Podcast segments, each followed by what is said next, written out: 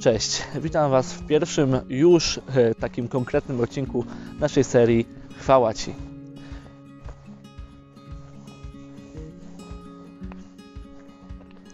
Dziś zajmiemy się e, paroma pierwszymi punktami encykliki Laudato Si, e, które są zebrane pod wspólnym tytułem Nic ze spraw tego świata nie jest nam obojętne.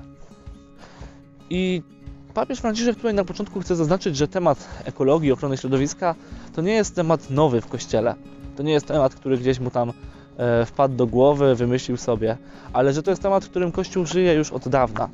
I tak jak e, w poprzednim odcinku zapowiedzi e, wspominałem o tym, że mówił on o papieżu Franciszku, tak też tutaj chciał się powołać na paru swoich poprzedników. I zaczyna w ogóle od tego, że cała encyklika, tak jak pisał jeden z jego poprzedników, jest skierowana do wszystkich ludzi dobrej woli.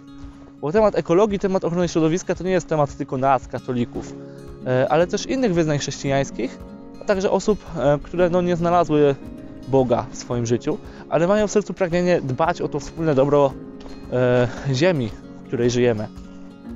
Pierwszą osobą, do której odnosi się papież Franciszek, e, był papież Paweł VI, który mówił o tym, że każdy rozwój gospodarczy, technologiczny, naukowy, jeżeli nie idzie w parze z rozwojem społecznym i moralnym, e, ostatecznie zwróci się przeciwko człowiekowi.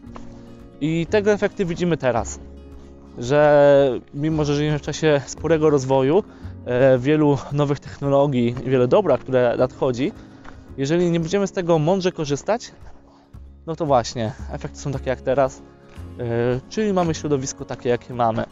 E, I o tym będzie też trochę później. Drugą osobą jest nasz polski papież Jan Paweł II, który powiedział, że ludzie mają tendencję do bardzo wąskiego patrzenia na swoje działania. I potrzebna jest e, głęboka reforma. Reforma e, tej ekologii ludzkiej, czyli mocna przemiana tej rzeczywistości, w której jesteśmy, na podstawie pierwotnego przeznaczenia przez Boga. I trzecią osobą, do której odnosi się papież Franciszek, jest papież Benedykt XVI, który mówi o tym, że nie możemy patrzeć na ekologię jako na coś oderwanego od innych aspektów naszego życia.